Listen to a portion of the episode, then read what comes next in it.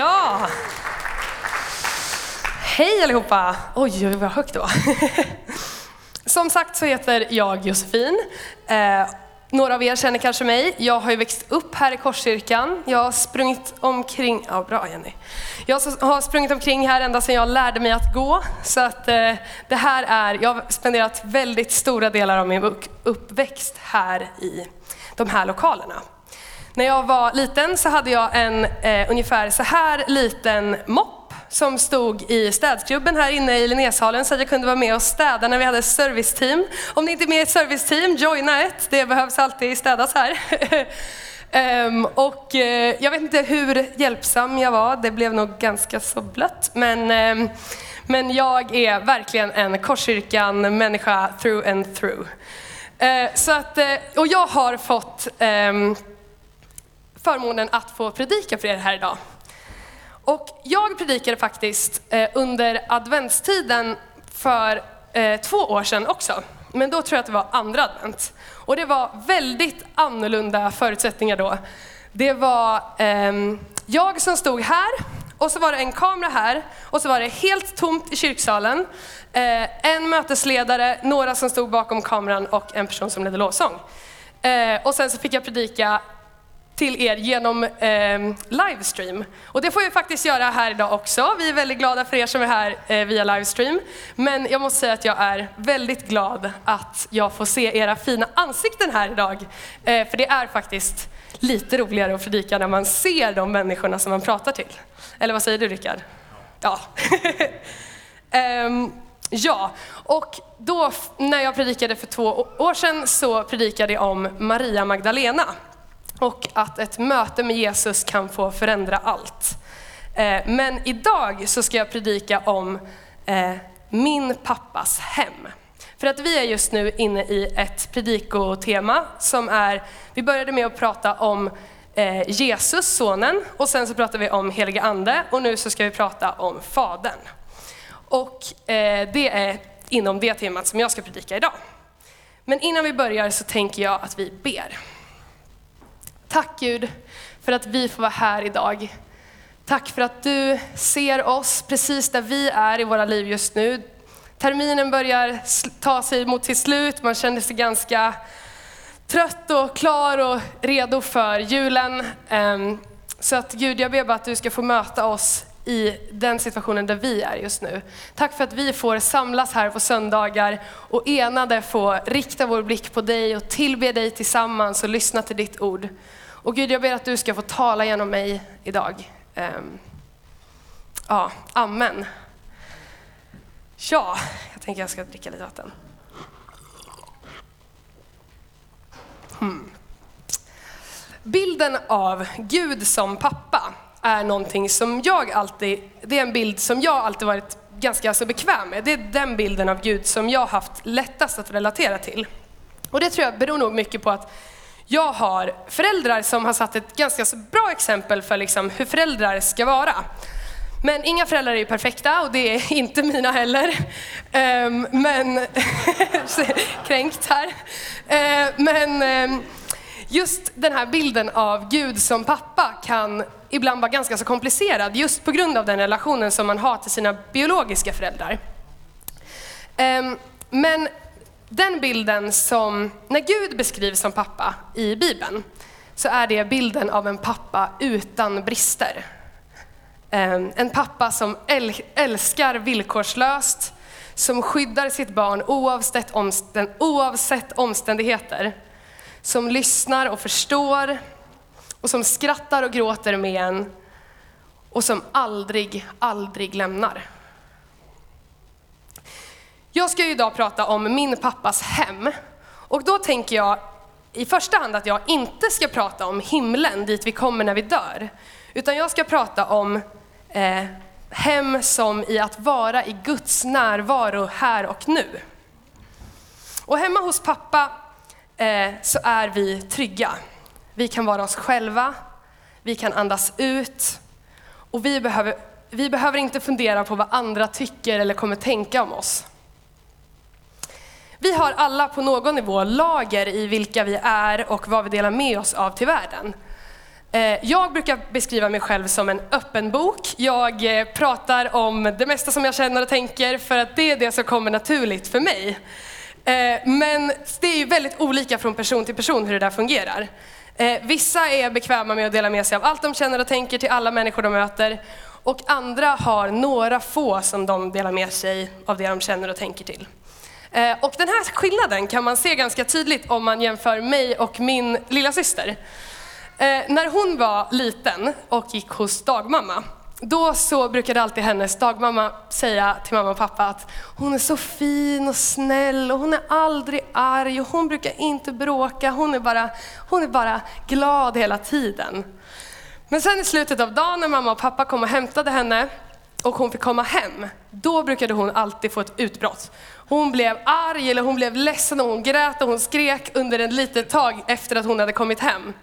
Um, för att när hon fick komma till en plats där hon var helt trygg, med människor som hon var helt trygg med, då kunde hon få släppa ut alla de känslor som hon hade haft under dagen, som hon inte delade med sig med de som hon liksom kände lite sådär halvt. Ehm, och jag tänker att det här är en väldigt bra bild av hur vi kan få se på vår pappas hem. Ehm, för att på någon nivå så har vi alla ehm, fasader och liksom lager av hur, vad vi delar med oss av och saker som vi inte delar med oss av. Men när vi kommer hem till vår pappa, då kan vi få släppa på de murarna och vi kan få vara 100% helt oss själva.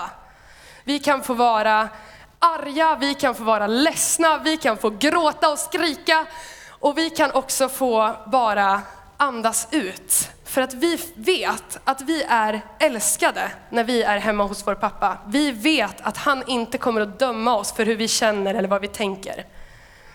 För vi vet att vi är 100% trygga i vår pappas hem.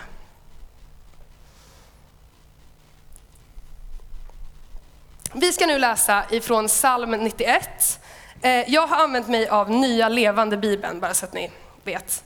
Ehm, jag har eh, dyslexi, så om det är lite hoppigt sådär så är det därför när jag läser. Men ni får hänga med på texten här bakom. Um, vi bor i den allsmäktige skugga, skyddade av Gud, av honom som är över alla gudar. Därför kan vi säga, bara han är min tillflykt, det enda fasta, det enda trygga. Han är min Gud och jag litar på honom. Han räddar mig från alla gömda faror och skyddar mig från alla dödliga sjukdomar. Han kommer att skydda dig med sina vingar. Ja, under sina vingar bevarar han dig. Hans trofasta löfte är din rustning. Du behöver inte vara rädd längre för pest och andra plågor. Du kan, vara, du kan gå lugn under dagen och du kan vila trygg och utan ångest under natten. Jag tycker att den här texten är helt fantastisk. Den talar om precis det här med att vi får vara helt trygga i vår pappas hem. Vi bor i den allsmäktige skugga och vi skyddas av hans vingar. Hans trofasta löfte är vår rustning. Och hans, i hans närvaro behöver inte vi vara rädda. Det här är någonting som talar väldigt mycket till mig just nu i vart jag är i livet. För att nu under advent så, och december så räknar vi ner dagarna inför julafton. Och, eh, och det här är en lite annorlunda december för mig eh, i år. För att jag räknar inte bara ner dagarna till julafton utan också till att jag ska flytta. För jag kommer den 4 januari att åka till andra sidan jorden och vara borta i eh, sex månader. Jag ska åka iväg med en missionsorganisation och gå en lärjungaträningsskola. Eh, och det här är jätteroligt, men det är också en ganska så läskig sak att göra. För jag lämnar allt som jag känner till. Jag lämnar min familj, jag lämnar mina vänner, min församling, mitt hus, mitt hem, för att åka till en plats som jag aldrig varit på förut, där ingen känner mig. Um, och även om det här är en ganska så läskig sak att göra, så är jag inte rädd. Jag känner mig så trygg i att jag gör det här med Gud och att min allra största trygghet är med mig.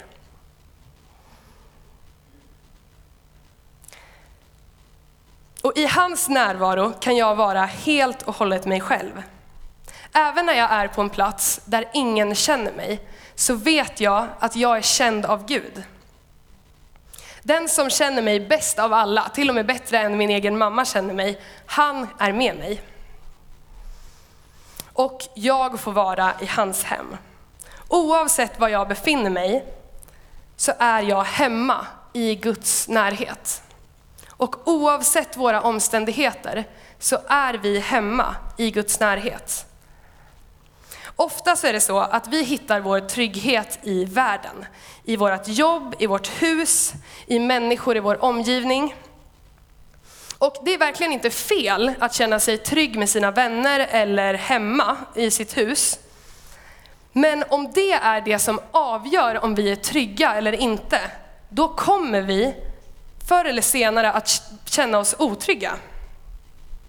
Människor kan såra oss eller av olika anledningar försvinna ur våra liv. De kan bli sjuka eller till och med dö.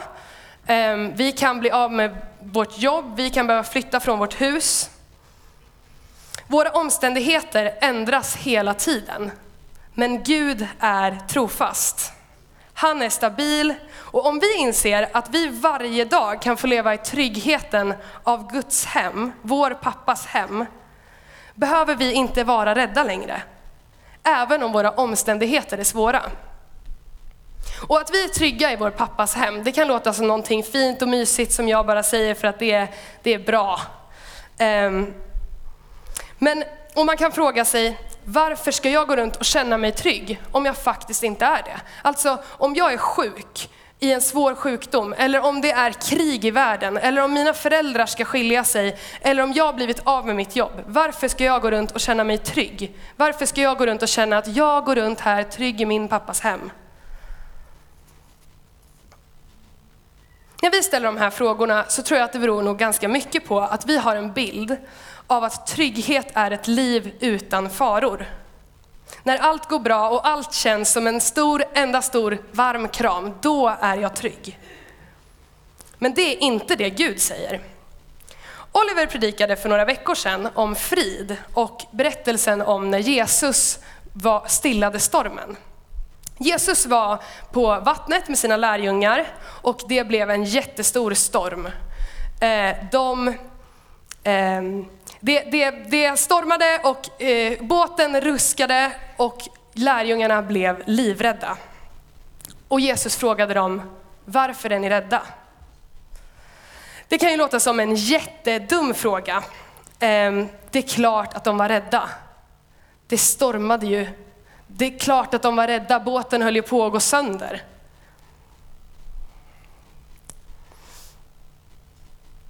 Och det är klart att vi är rädda.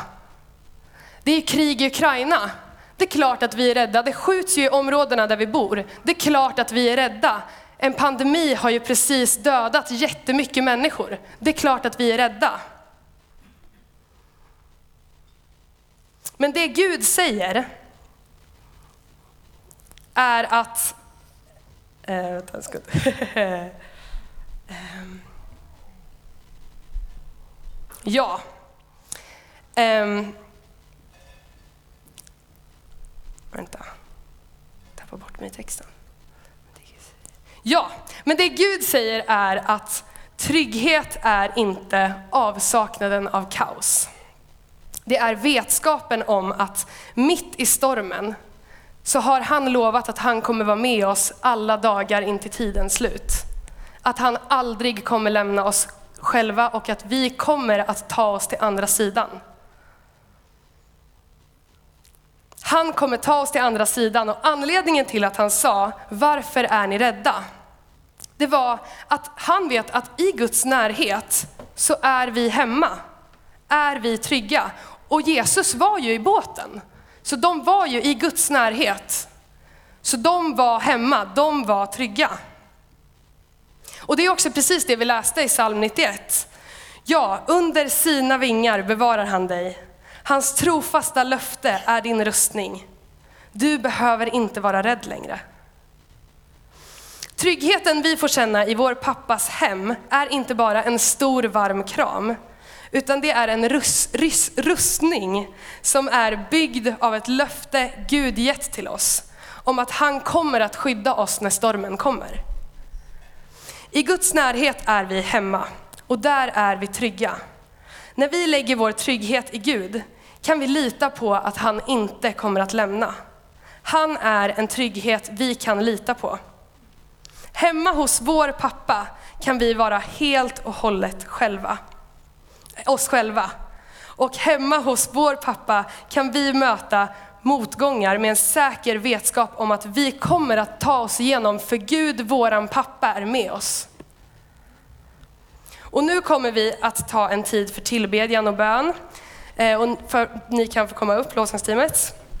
Eh, och jag vill verkligen uppmuntra er att fundera på vart ni har er trygghet. Om ni vet att ni kämpar med rädsla och oro, och om du inte har satt din trygghet till 100% hos Gud, så finns det förbönsteam som jättegärna vill be för er.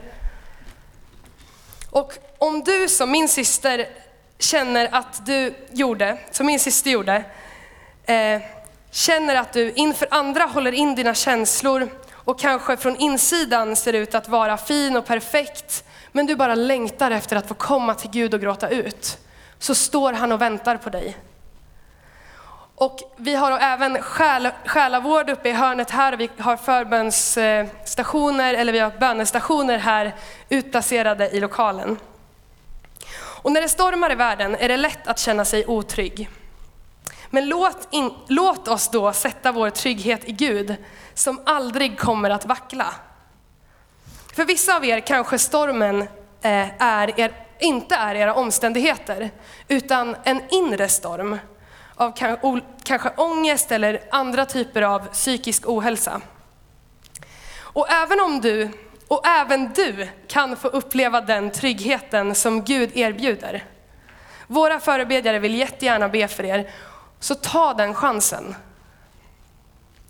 Vi avslutar med en bön. Tack Gud för att du ser oss, du känner oss, du vet precis hur vi vår relation till det här med pappa och det här med hem. Um, Gud, jag ber att du bara ska få möta oss precis så som vi är. Precis i de känslorna som vi har kring det här. Gud, tack för att vi hela tiden kan få vara trygga i ditt hem oavsett våra omständigheter. Oavsett vart vi befinner oss i världen eller i, i oss själva så kan vi få vara trygga i din närhet.